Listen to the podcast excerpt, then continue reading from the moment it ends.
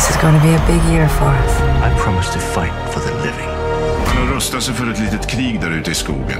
What is the budget for our show? Smaller than it was. Yeah, not, not big enough. Hej och hjärtligt varmt välkomna igen till Streamingpodden. Det här är avsnitt nummer 33. Eh, och det är tillsammans med mig, Jonas är med och Magnus Svensson, vi är båda från Army Technology. Streamingpodden är en podcast för dig som är intresserad av streamingteknik och det som händer i det här spännande området. Välkommen igen Magnus, hur är läget? Tack, det är väldigt bra. Det är väldigt bra, full fart. Året har börjat bra än så länge. Mycket att göra, spännande kunder och uh, utmaningar och man ser väl lite ljus i tunneln vad det gäller vår situation i övrigt med pandemi och sånt. Så att, det känns bara bra. Ja det, här, ja, det här är vår första podd efter, efter juluppehållet va? Mm. Vi har inte kört någon mer innan. Eh, så att eh, Eh, nej, men det är såklart, jag hoppas alla som lyssnar också har fått en bra start på det här året eh, och att eh, ja, men det kanske kan finnas lite mer positiva vibbar eh, under det här året, får vi hoppas på. Eh, agendan för idag, det vi ska prata om är naturligtvis så ska vi kommentera Netflix bokslut eh, som kom väl bara häromdagen. vi ska framförallt ägna mest tid åt att Eh, prata om egentligen de beståndsdelar och komponenter som en streaminglösning eh, be, be, behöver bestå av. Eh, man kan ju ställa sig frågan vad, vad är det som krävs egentligen för att streama sitt innehåll eh, på internet? Det ska vi prata om. Sen har vi lite nyheter om AV1 och Android TV, om just low latency, en uppdatering där kring spelarna och eh, en ny version av VLC som släppt. Vad innehåller den? Låter det som en bra plan, Magnus? Jag tycker det låter som en alldeles utmärkt plan. Spännande ämnen. Ska vi börja då med Netflix bokslut. Vill du sammanfatta lite kort vad, vad, vad det innehöll och sen kan vi kommentera det sen när du har sammanfattat? Ja, jag brukar, brukar säga att nästan alltid så är det som reportrar och eh, besserwisser ska bäsa Netflix och säga att nu, har, nu kommer det inte läggas på lika mycket, nu kommer det inte gå lika mycket uppåt och sådana här saker. Och varje rapport så slår de till ordentligt. Så att eh, de hade lagt på sedan sist nu ytterligare nästan 9 miljoner subscribers så att de har passerat, eh, de är uppe i 203, 000, 203 miljoner subscribers nu. De börjar visa positivt cashflow och börjar faktiskt få en, en ganska skaplig vinst på det. Jag mm. tror jag såg någonstans siffror på att de är lika stora börsvärde som AT&T och eh, Viacom CBS tillsammans. Så att, Tillsammans? Ja. Okay. Mm. Så att det, är, det är inget litet företag ens. Så att, eh, det är lite intressant. Jag vet inte om säkert titt, några tittare har säkert sett, eh, lyssnare har säkert sett eh, bilderna på Reed Hastings när han firar sina 100 års, 100 miljoners jubileum med att äta på eh, Dennis, hans lokala diner. I år fick han ta hem maten så han satt med en påse och gjorde motsvarande. Ja, jag såg det. Har han alltid gjort det? Mm. Eller är det något kopplat till hans eh, han gillar det istället? Väl? Nej, jag tror bara att han la ut det första gången han passerade en miljon och sen har det blivit en liten ja, grej av det. Så att, mm. Men om man tittar på det, han la ut bilden på 100 miljoner la han ut eh, mitten av 2017. Så att det okay. tuffar ju mm. på ganska bra. Ja. Ja, vad mer då eh, kan man kommentera då? Eh, den här ARPUn, eh, hur, hur har den utvecklats? Jag har jag tror att de bör, nu börjar de ju faktiskt visa ett ganska bra cashflow och eh, siffrorna kommer ju in ganska bra nu. Så att jag tror att, och sen nu, nu börjar de ju experimentera med nya features och, och, och siffrorna börjar visa rätt. De är ju fortfarande ganska unika jämfört med med eh, övriga branschen. För de är ju nästan de enda som inte har någon annan inkomstkälla. De andra stora drakarna har ju antingen eh, som Disney har ju sina nöjesparker och merch och allting sånt. Och Amazon har sina eh, e-handel och sånt. Så att, men ARPU har ju vuxit jag skulle säga nästan 20 procent sen, mm. sen 2018. Så att det tuffar ju på. och bara under året 2020 under pandemin så la de på 40 miljoner subscribers och det verkar som majoriteten nu är i, utanför USA. Som, som Vi kanske ska förklara vad just ARPU står för för våra lyssnare som inte vet den förkortningen. Eh, nu får du rätta mig fel. Är det average, average revenue per user? Ja. Vilket, vilket då idag ligger på 11, 11, 11 dollar. dollar. Mm. Och den har vuxit från 9,88 mm. 2018. De har över 500 titlar eh, i postproduktion just nu. Mm. eh, som de förbereder att lansera här. Eh, det, vad blir det? Det blir ju... De kommer ja, släppa en ny film en, i veckan nu. Så. Ny film i veckan. Då, globalt då, får man väl komma mm. ihåg. Men allt är ju tillgängligt i princip globalt. Mm. Så det handlar ju om att hitta åt det där. Det måste man ju säga är en ganska imponerande siffra. Ja, just nu i de här tiderna också att de ändå lyckats producera så mycket material som de gör. Men jag tror att de har ju tagit ganska stort steg att lägga på internationell content nu. Det är väl första gången som det här Lupin är en, en utländsk mm. film som ändå är i topp på amerikanska tittarlistorna. Mm. Ja, det är en serie va? Ja. Eh, jo, men precis. Eh, de har ju å andra sidan, de har ju med en, en, en eh, ganska, ja, en populär eller blir populär skådespelare som mm. tror många känner till. Han som var med i En oväntad vänskap var det första gången jag såg honom i alla mm. fall. Vilket de gjorde också en amerikansk version av den filmen. Vilket, ja, så det, det, finns nog säkert kopplingar så också. Men, men det är som du säger, det är intressant att um, att eh, det kan vara gångbart utan att den blir alltså att man gjort en amerikansk version med, med så. Mm, ja, jag tycker de har, de, har, de har lyckats bra med sina internationella produktioner och göra dem internationella så att säga. Att de lyckas med, med dubbning och eh, textning och allting sånt som krävs i de olika länderna. Och där har de varit långt framme hela tiden att se till att, att content är verkligen tillgängligt worldwide. Men de får ju konkurrens här nu. Jag menar, du har ju, ja, dels har vi Paramount Plus då, som vi fick veta skulle komma hit till Norden var det i mars någon mm, gång? 25 mars. 25 mars. Eh, och de har väl en del intressanta eh, mm. möjligheter till att eh, lägga in biofilmer där. Eller filmer som kanske skulle gått på bio förra året eller förra när det var. Sen har vi väl HBO Max som kommer komma under året. Som också mm. kommer lägga på en massa nya biofilmer troligen.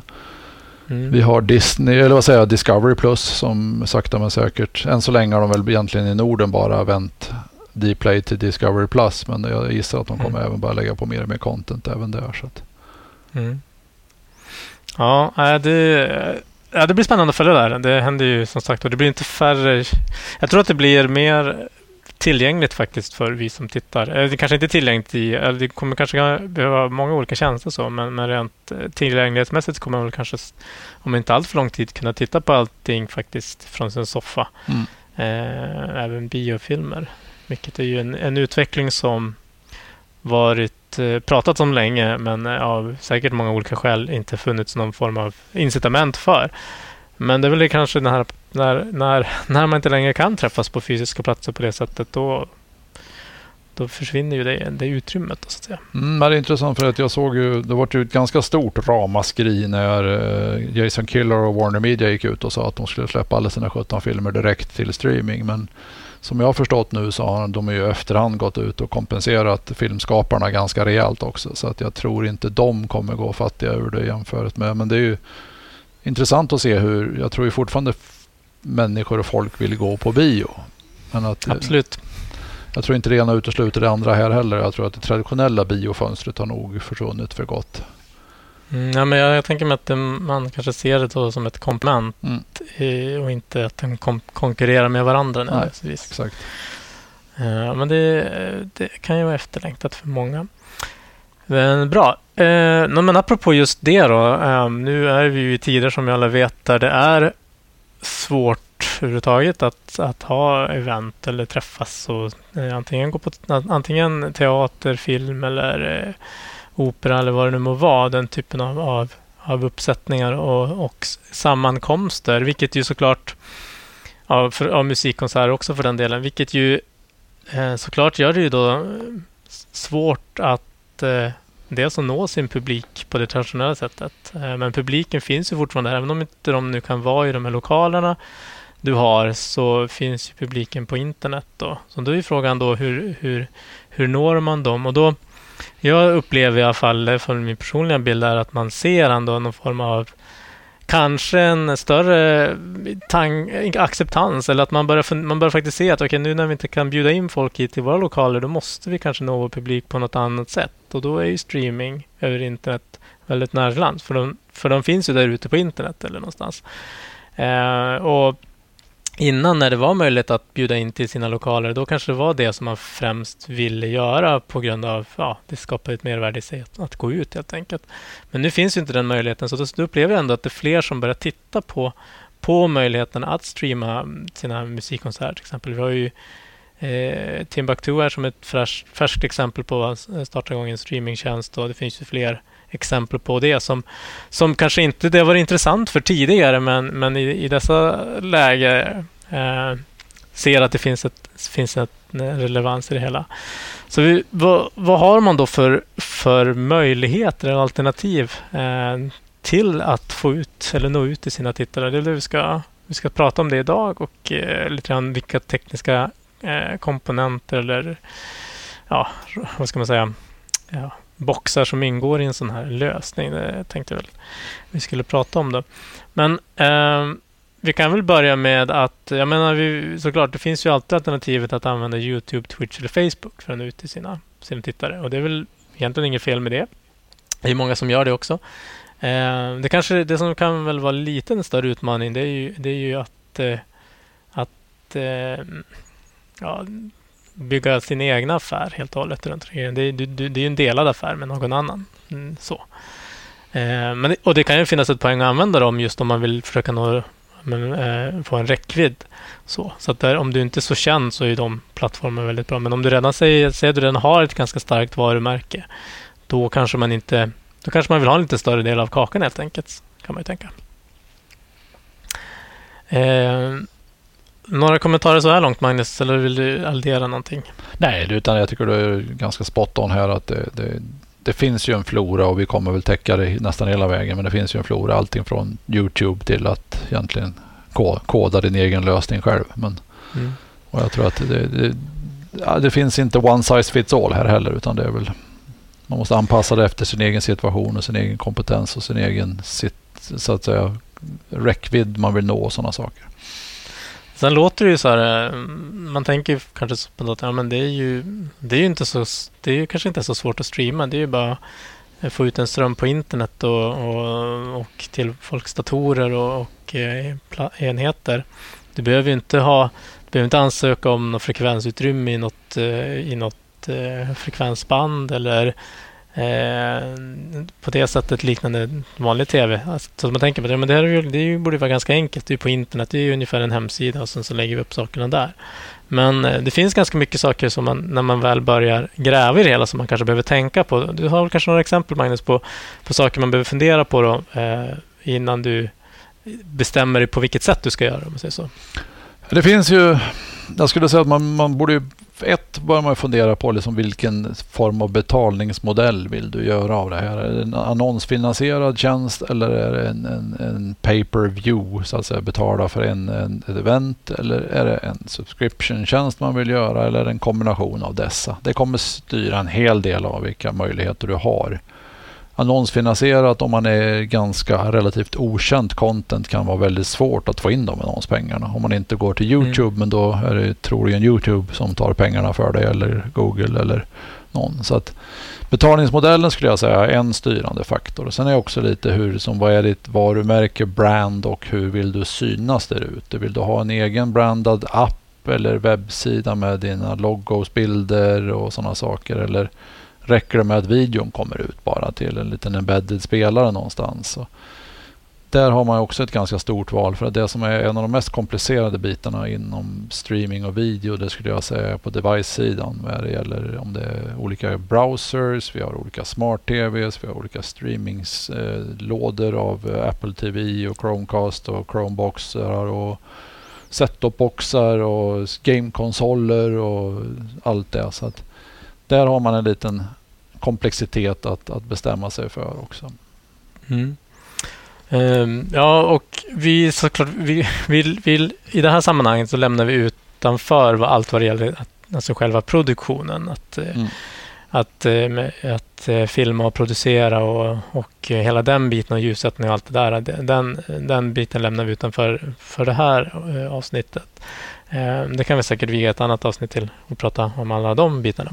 Men om vi utgår från att vi har en en, en, en, eh, en, en färdig signal helt enkelt som är eh, programsignalen eller det här är den, det som ska gå till tittarna så att säga. Då finns det ändå ganska många komponenter till som vi behöver blanda oss in innan det kan nå slutanvändaren eller tittaren. Och, det är de lådorna som vi, vi ska gå igenom nu och vi har lite grann vad vi kallar en, ja, vad heter det? en blueprint. Jag kommer inte på det svenska ordet eh, för det. Som, som lite grann framförallt handlar om att, att överblicka vilka, vilka delar faktiskt det är som, som ingår. Det är ju, och när man lyfter på huvudet i varje sån där box då ser man att det kan finnas en komplexitet i sig i dem. Och vi kanske inte hinner gå så djupt på varenda låda den här avsnittet men vi ska försöka gå igenom de här Ehm, eh, beståndsdelarna i alla fall så får ni en, får ni en överblick över vad, det, vad, vad som faktiskt ingår i en, i en streaminglösning. Ehm, men om vi börjar då med att vi har den här eh, signalen signalen som kommer ut från, från ett eh, en produktion. Eh, då har vi ju egentligen den första saken vi behöver göra med den här signalen. Den, den, är, ju, den, är, ju, den är digital fortfarande men den är ju kanske ganska hög i bandbredd och hög kvalitet och så. Och eh, den bandbredden är för stor för att du ska kunna ha den ner till alla eh, slutanvändare. Det finns, helt enkelt, det finns inte bandbreddskapacitet som räcker till. Och då pratar vi ju väldigt höga bandbredder, flera flera hundra, hundra megabit, ibland kanske gigabit i den storleksordningen. Det är i princip okomprimerat kan man säga. Eh, så det man behöver göra först då, det är ju att transkodera den här eh, live-signalen. Ehm, och eh, då, det man gör då, det är ju att man transkoderar dels ner den här i, i ett betydligt lättare format, det vill säga som inte är lika med bandbrännskrävande, Men man transkoderar också ner till ett antal olika eh, ska man säga, kvaliteter eller storlekar. Det kan vara olika upplösningar. Då en i full HD, en i HD och SD och sen lite mindre. Eh, som tar lite grann olika eh, bandbredd helt enkelt. Eh, och det här görs ju live eh, under själva sändningen. Eh, och eh, varför man transkoderar i flera olika kvaliteter kanske du kan förklara Magnus? Ja, det är ju egentligen två anledningar. Ett är att du som slutanvändare har olika förutsättningar internetmässigt. så att säga. Du kan sitta på tunnelbanan och då kanske du inte har lika bra täckning som du har hemma när du sitter uppkopplad med fiberanslutning. Så att redan där så måste du kunna välja hur mycket du klarar av att ta emot så att säga som, som slutanvändare. Men det kan också bero på vilken, vilken typ av, av enhet du sitter på. Sitter du på en liten mobiltelefon så kanske det är väldigt onödigt att köra en jättestor ström med stor upplösning på när du ändå sitter och tittar på en mobiltelefon. Mm. Medan när du sitter hemma och tittar på din 65-70 tums TV så kanske du vill ha lite bättre, lite fler bitar så att säga. Mm. Så att det är de två faktorerna som styr vilken av de här storlekarna eller upplösningarna som, som är mest lämpad för dig. Mm. Och eh, den här transkoderingen då, det, det utgör ju någon form av, man kan kalla den en stege eller en ABR-ladder som det kallas på engelska. Eh, så den här lådan då, första boxen då, det, det är ju då den här eh, live ABR-transkoderingen då som gör. Eh, och sen när det är gjort, då ska ju, den, då ska ju de här um, olika eh, uh, profiler eller olika kvaliteterna delas upp också i olika små Eh, små, små bitar eh, som är nedladdningsbara helt enkelt. Eh, så att man, man, man splittar upp det i små segment som, man, som då du som tittare laddar ner löpande allt eftersom från, från eh, en webbserver egentligen. Och den här webbservern som man då lägger de här eh, eh, små segmentfilerna på, det är ju då ett, eh, vad vi kallar för ett origin. Eh, live Origin. Vad ska man tänka på eh, när man sätter upp en sån lösning, själva Live Origin-lösningen, Magnus? Ja, det finns ju ett antal olika diskussionsfrågor. Ett är ju hur storleken på de här bitarna så att säga. Ju, ju större sådana bitar du har, ju, då brukar man eh, få problem. Vad ska säga, dels att skicka dem, men även att det tar lite tid. Du får en latency mot live som man har pratat mycket om i sport.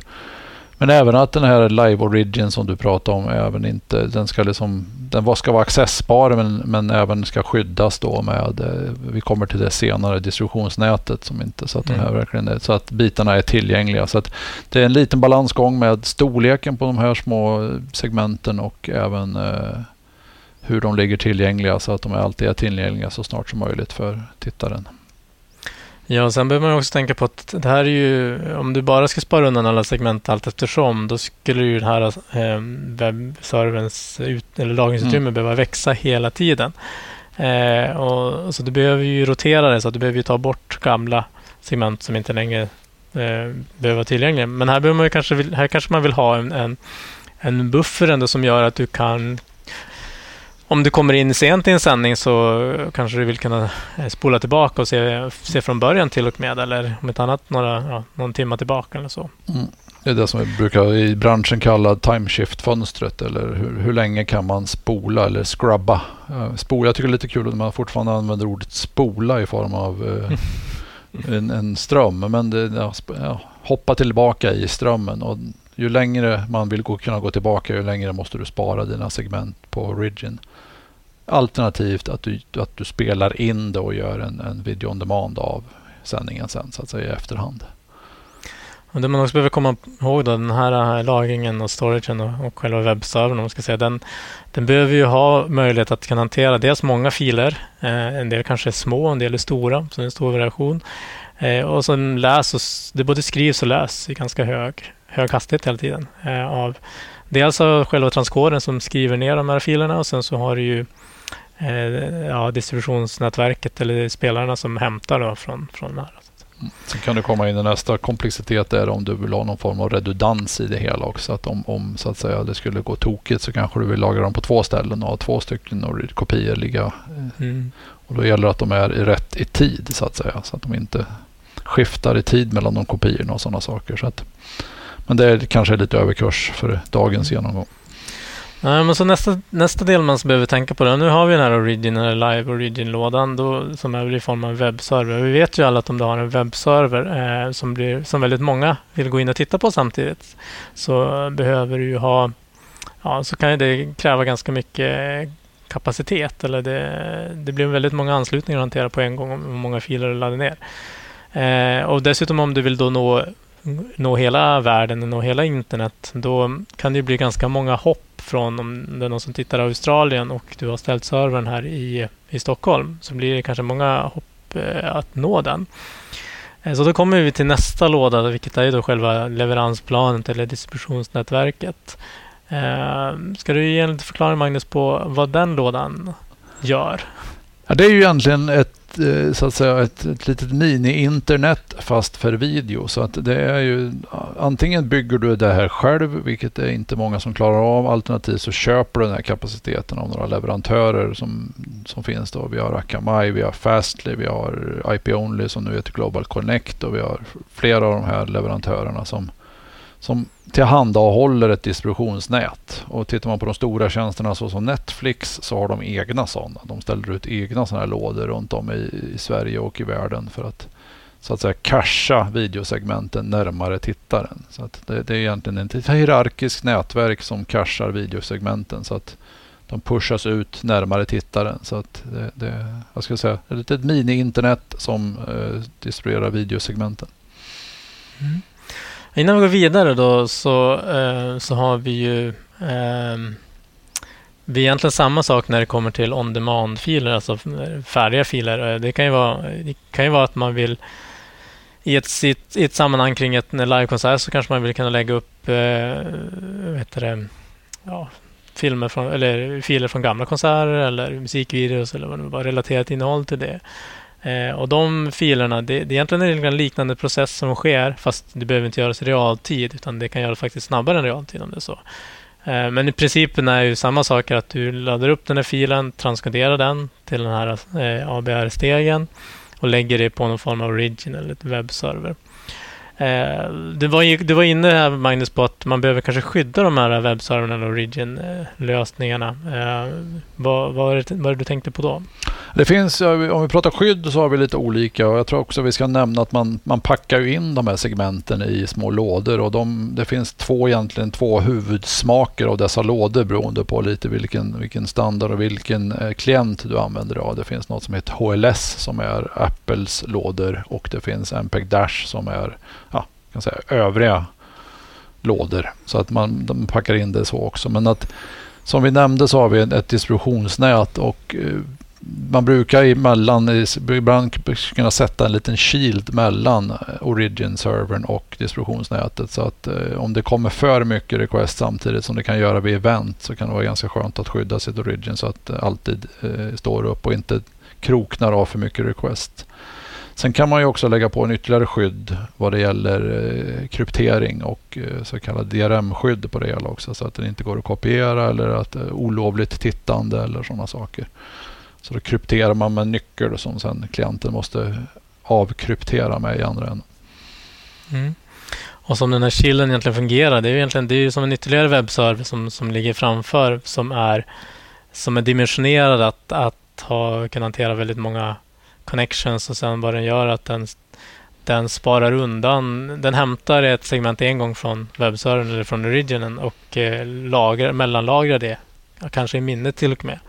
Eh, eftersom den behöver inte spara det så länge. Eh, men för att avlasta själva origin-servern. Mm. Eh, bra, men och efter det då, själva, vi har det distributionsnätverket som är ett litet mini-internet eh, där du laddar ner, där, där klienterna, eller där, där tittarna egentligen, eh, datorer och enheter får möjlighet att hämta ner de här segmenten. Men då behöver man göra någonting med de här små segmenten också. De behöver ju sättas ihop igen på mottagarändan kan man säga. Eh, och och spelas upp. Och där har vi ju då videospelarna.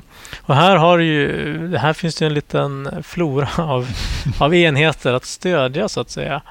Eh, vi ska vi försöka sammanfatta de, de kanske de huvudsakliga enheterna som, som man behöver ha stöd för. Eh, om man tänker sig, ja, det kan ju vara lite olika på olika marknader, men på stort sett, så vad är det för enheter du behöver faktiskt kunna nå? Jag skulle säga att första och basic och första nivån brukar vara webbrowsers.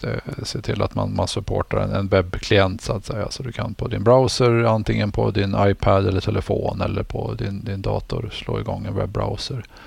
Efter det så skulle jag säga mobiltelefon och appar. Eh, Android och eh, iOS-appar sedan efter det så kan man bara titta på att vara med på Apple TVs eller i Chromecast device så att säga. Eller och sen nästa steg har vi då med eh, Smart TV. Vi har då främst Samsung och LG skulle jag säga. Och sen har vi ny, nykomlingen är väl dumt att säga kanske efter några år, men Android TV börjar komma mer och mer. Mm. Ett, ett operativsystem och en, som, som Android pushar ut som då börjar komma både i tv-apparater och i små så kallade device eller ja, set-top-boxar fast med. Mm. Och sen så har vi några enheter kanske som är mer, mer för den amerikanska marknaden då, eh, som vi inte har här, men det är väl ganska stora där och där har vi ju eh, Amazons eh, Fire TV heter det mm. Eh, och eh, Roku kan man väl nästan Roku skulle jag säga det är den, den, nummer ett i USA. De har mm. nu 50, 50, miljoner hem står det Roku Device i. Och mm. Jag tror att de är ganska nära en, en, internationell lansering och en stor internationell push på sina uh, enheter också. Så att Roku och Fire TV är egentligen lika, om inte mer vanligt på den amerikanska marknaden än våra Samsung och LG-appar. Mm.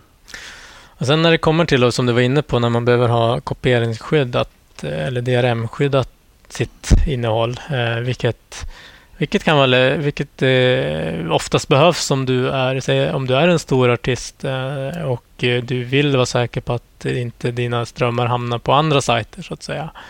Eh, då behöver du skydda dem på något sätt. Och där, där blir ju genast en, en, en komplexitet eftersom de här olika enheternas ehm, tillverkare kan man säga har lite olika typer av av, eh, av skydd, eller implementationer av skyddet i alla fall.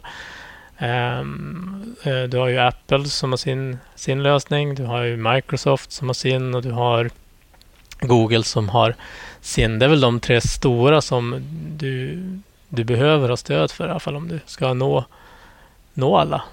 Mm. Och har du licensierat innehåll så är det oftast krav på att använda något av dessa. Och eh, har du eget innehåll då är det egentligen mer upp till dig om du vill skydda det med någon av dessa. Mm. Som tur var finns det multi-DRM-system där ute som gömmer det här för de flesta användare av eh, kryptering och, och, eh, och dekryptering och nyckelhanteringen. Så att det finns, man, man hämtar nyckeln på ett ställe oavsett de här tre systemen. Mm. Eh, och sen så har du ju, du, sen, i, tillägg till de här sakerna så, så behöver du ju kanske skydda, eller du behöver, inte, eh, du, du behöver ju på något sätt hantera vilket innehåll som vilken användare ska ha tillgång till. Eh, vad har du, har du köpt den här produkten eller den här tillgången till det här eventet eller det här paketet av, av, eh, av program. Det behöver du hantera i något system också så att säga. Eh, dels behöver du ett system där du håller reda på alla de här användarna. Du behöver ett system där du håller reda på alla, allt ditt innehåll. Du behöver ha ett system där du håller reda på, på alla produkter som du erbjuder så att säga. Mm. Och det är väl en sån där sak som man kanske lite, ja, det kan vara lätt att man förbiser den saken när man fokuserar mycket på själva strömmarna och det innehållet. Eh, men du behöver ju också hantera eh, ditt, ditt bibliotek eller ditt, ditt eh, eh, så.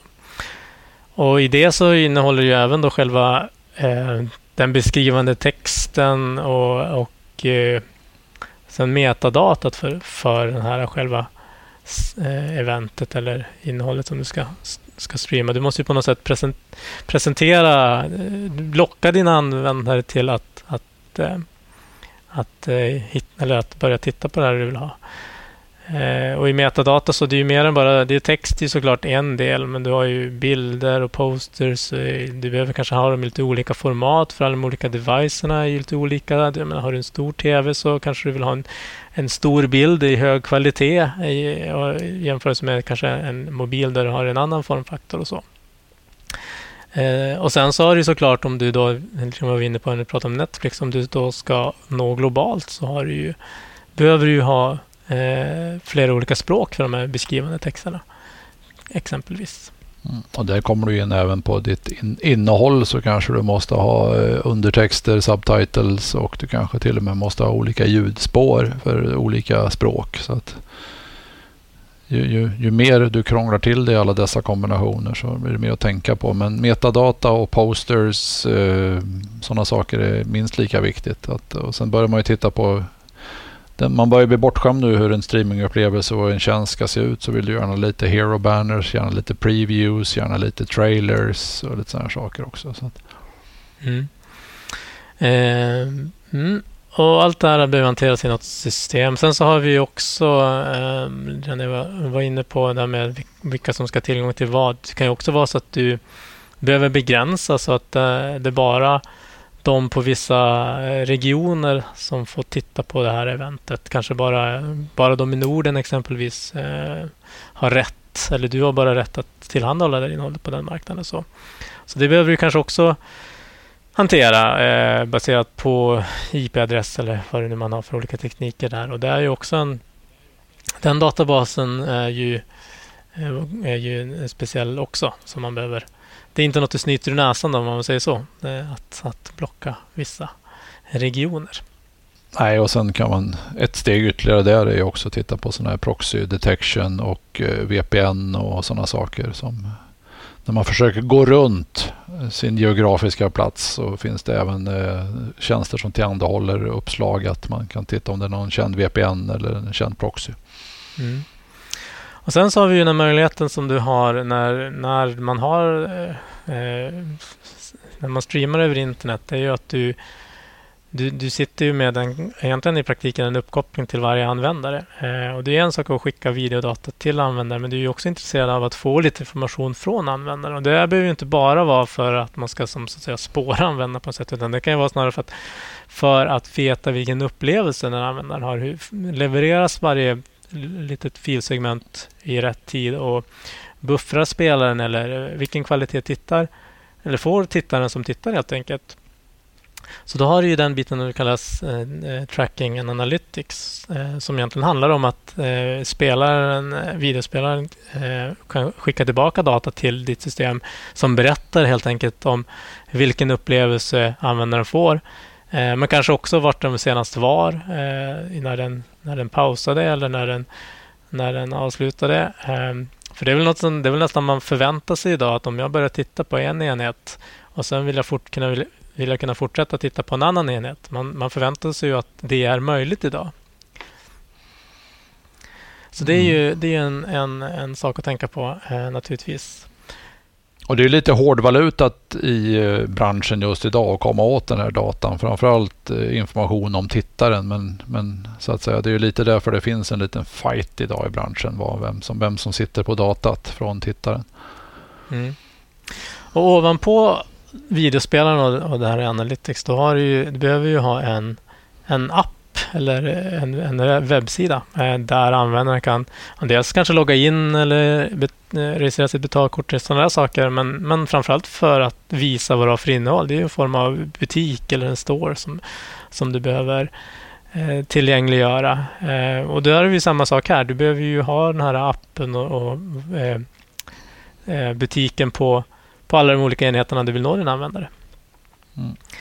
För du, användaren kommer inte att skaffa en annan enhet bara för ditt innehåll, mest troligt. Nej, och lite som vi var inne på förut så är det ju liksom, du kan gå djupare och djupare bland de här cirklarna och titta på hur många device och många varianter du vill supporta. Och det finns ett antal ramverk som gör att du kan underlätta att bygga de här butikerna eller apparna till de olika devicen. Så att du kan som, eller återanvända stora delar av det du bygger till de olika. Men visst, det krävs en liten handpåläggning och minst en liten handpåläggning på varje device-typ och varje enhet. Och Sen är det viktigt att komma ihåg att när man bygger en sån här app eller en sån här, fram, eller sån här butik, den är ju något som är precis som en butik. Du behöver ha hyllor och du behöver ha gångar och sådana här saker. Men sen vad du fyller de innehållna gångerna med, det, det, kan man ju, det måste man ju kunna byta ut utan att behöva släppa en ny app om man säger så. Mm.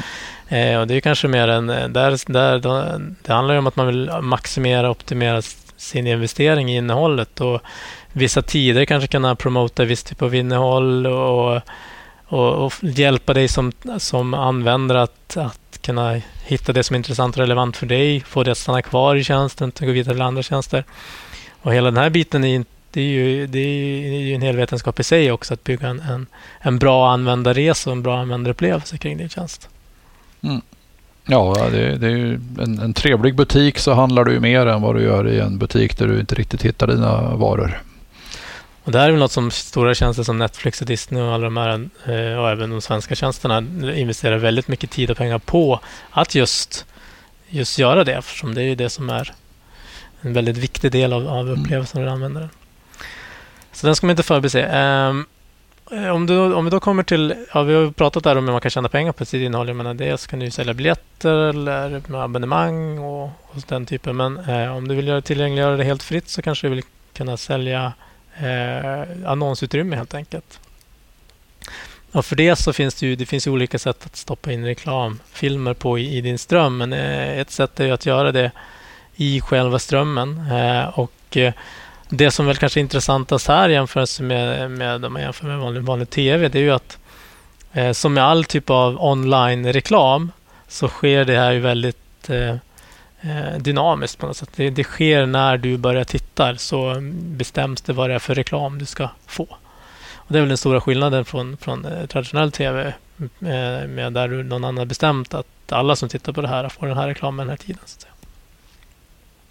Eh, så den biten är ju, är ju det, det, är en ganska komplex del i sig. Dels så ska du ju, dels har du tekniker för att stoppa in en reklam, men det är en sak. Men sen så har du ju hela biten med eh, annonsförsäljningen också. Eh, och har man ingen egen annonssäljavdelning då eh, behöver man ju bygga upp en sån eh, relation. Och det ja, det är väl kanske inte något som man som man ny game att börja med. Men då finns det, ju, det finns ju olika möjligheter där då, med att koppla upp sig mot olika annonsnätverk och sådana bitar. Utmaningen med det är ju såklart, med, det är väl också något, kanske ett generellt problem vad det gäller online-reklam, det är ju att med kvaliteten och då menar jag att eh, vad är det för typ av reklam du visar i din tjänst och det omvända för annonsörerna, vad, sin reklam, vilka tjänster hamnar de på och så vidare. Man vill inte förknippas med riktigt vad som helst kanske idag. Eh, någonting eh, mer att nämna på den här uh, blueprinten, Magnus? Har jag glömt något? Nej, jag tror att vi har täckt det mesta. Ja, du har ju givetvis en liten låda vad som hanterar dina så att säga, kunder. Som, eh, vad de har köpt och inte köpt och kunddatabasen. Och du ska kunna göra lite promotions till dem. och så här. Mm. Lite upsell och sånt. Så att det, det finns någonstans en liten kunddatabas också. Eh, vi kommer lägga upp eh, bilden på den här blueprinten i våra i, våra Twitterflöden um, och även kanske på Ivins flöden också. Um, men framförallt på ditt och mitt Twitterflöde. Så ni kan ju hålla koll på vår Twitter. Jonas Birmet är där och du heter Svensson 00. Eh, Svensson 00, precis. Eh, så där kommer vi posta den här bilden som vi har pratat runt. Så jag kanske skulle ha nämnt det i början, men det är väl aldrig för att eh, om ni lyssnar på det så kan ni titta på det medan vi pratade. Men eh, om ni kommer så här långt så kan ni titta på den och spåra tillbaka och titta igen. Det är det som är fördelen med en podd. Eh, ja, men det var det. Eh, mm. Men eh, nu har vi gått igenom vilka komponenter som ingår i en streaminglösning och det, det kanske initialt låter som en enkel grej att bara streama. Eh, och det är ju om du, om du använder en färdig plattform som Twitch och Youtube och så. Men eh, om du ska bygga det här själv så är det ganska många delar man, man ska eh, vad heter det, behöver tänka på. Nu finns det ju lösningar där ute som är lite grann ett mellanting också så att du inte behöver bygga allting själv också. Eh, så att det, det, finns ju varianter eh, där du kanske kan, vissa delar är den färdiga SAS-lösningar och vissa är kanske hela allting är en SAS-lösning, även inklusive själva frontändan eller appen. Så, att säga. så eh, vill ni nå er publik med, med bra innehåll så det, om ni inte kan bjuda in dem till er lokal så definitivt fundera på streaming. Det tycker vi i alla fall. Bra, ska vi gå vidare eh, avslutningsvis med några, några korta nyheter? Mm, det kan vi göra. Eh, vi har väl en nyhet kring AV1 som är ju en, en ja, den här kodeken vi har, vi har pratat om i tidigare avsnitt av podden. Eh, vad, vad är det senaste som hänt där, Magnus? Det senaste som har hänt är att förutom att, att, att fler och fler av de stora drakarna börjar använda sig av AV1 så har i nyligen så gick Google ut och eh, vi pratade ju om, om, Android TV och deras plattform förut. Så Google kräver nu att eh, Android TV, de som bygger en Android TV-baserad plattform måste supporta AV1 i kodeken i hårdvaran så att säga. Så att de på något vis gör, gör det ett, som ett tvång. Förut har det varit en, en, ett, ett, önskemål men nu är det ett tvång. Ja. Det innebär väl att det blir lite tuffare fight för den standardiserade modellen av HIVC och eh, de nyare kodekarna. Så, att... så bygger man en sån där låda behöver kanske helt enkelt ha stöd för båda? Mm. Mm. Jag tror att, att anledningen att Google tvingar fram det här är att de kodar mycket av sitt Youtube-material i AV1 och de vill givetvis att det ska se bra ut på de, sina egna lådor så att säga. Mm. Och genom att ha det i hårdvaran så sparar väl en hel del på Ja, det någonstans ta energi men du kan ja. göra det på ett annat sätt i alla fall. Ja. Än att ha det i mjukvara som är anpassat för andra saker. Mm. Eh, har vi någon uppdatering kring low latency? Ja, vi kan väl säga att low latency börjar bli intressant för att vi har ju de två så att säga standardiserade spåren med eh, low latency dash chunks eller CMAF chunks och sen har vi då Apples variation som har nu evolvat eller vidareutvecklats tillsammans med industrin och nu börjar spelarna och på som nästan korsvis stödja samma saker så att även Exoplayer av Google har nu support för low latency HLS. Och, och även eh, då Dash JS har support för allting. Så att nu börjar spelarna sakta men säkert adapta de här formaten och de här standardiserarna. Och även i eh, open source-spelare så får du får du low latency supporten nu. Så att mm. Eh, vi börjar nog närma oss att det, det, kan bli lite mer commodity att vi kan sänka latencyn i strömmarna. Ja, men det är, och det är framförallt relevant när det kommer till att du har interaktivitet, ska jag säga. Mm. Eh, om jag ställer en fråga i streamen och så vill jag att chatten ska, ska kunna svara mig eh, lite snabbare än, än 30 sekunder senare, så att säga. Mm det tar ju väldigt lång tid fram och tillbaka. Där. Så att, eh, ja, men det är väl välkommet. Eh, sen finns mm. det väl tillämpningar där det kanske inte behövs eh, egentligen. Absolut. Jag skulle säga att det är ganska vanligt att det inte behövs. Men, men att, att det behövs och som vi har pratat om när man sitter hemma, man, man jobbar mer hemifrån, man är mer hemma och då kanske då vill ha lite interaktivitet och, och i sporter är det framförallt ganska intressant att få ner fördröjningen mm. lite grann. Avslutningsvis, eh, en ny version av VLC som släppts och den en, en 3.02 är- tror jag. Och eh, där, nyheten där är väl att de nu har stöd för de nya Apples eh, kisel. Mm. Eh, sen är det lite andra smått och gott såklart. Fick även med rist kan, kan man tillägga. Ja, okej. Mm. Så att, eh, Eh, Ja, men den är ju VLC, för de som inte känner till det så är det en, en, en video, videouppspelare på, som du kan spela, ja egentligen den, den, den spelar nog det mesta. Ja, den är nog den, st- den största allätaren här ute i, i branschen tror jag. Mm. Det är ett open source-initiativ också så att den är ju tillgänglig för alla att både använda och bidra till. Mm. Det gillar vi. Eh, bra. Har, vi några, har du några avrundande ord Magnus innan vi stänger avsnittet, det 33 avsnittet för idag? Då? Nej, inte mer än att som sagt var om det är några frågor och funderingar på det vi har pratat om idag, framförallt om lösningen och allting sånt så eh, Twitter eller eh, mail eller telefon eller vilken väg. Men Twitter kommer vi lägga ut bilden på så att det, diskutera din gärna och, och förklara ytterligare om det finns behov. Mm. Men med det sagt så då tackar vi för oss för den här gången eh, och jättekul för att ni har lyssnat och eh, igen vi tar gärna emot feedback och kommentarer i våra, några av våra kanaler och eh, eh, vi hoppas att ni har haft en bra start på det här året och att ni vill fortsätta lyssna på vår podd här framöver. Så vi släpper väl ett nytt avsnitt här om en, två veckor kanske.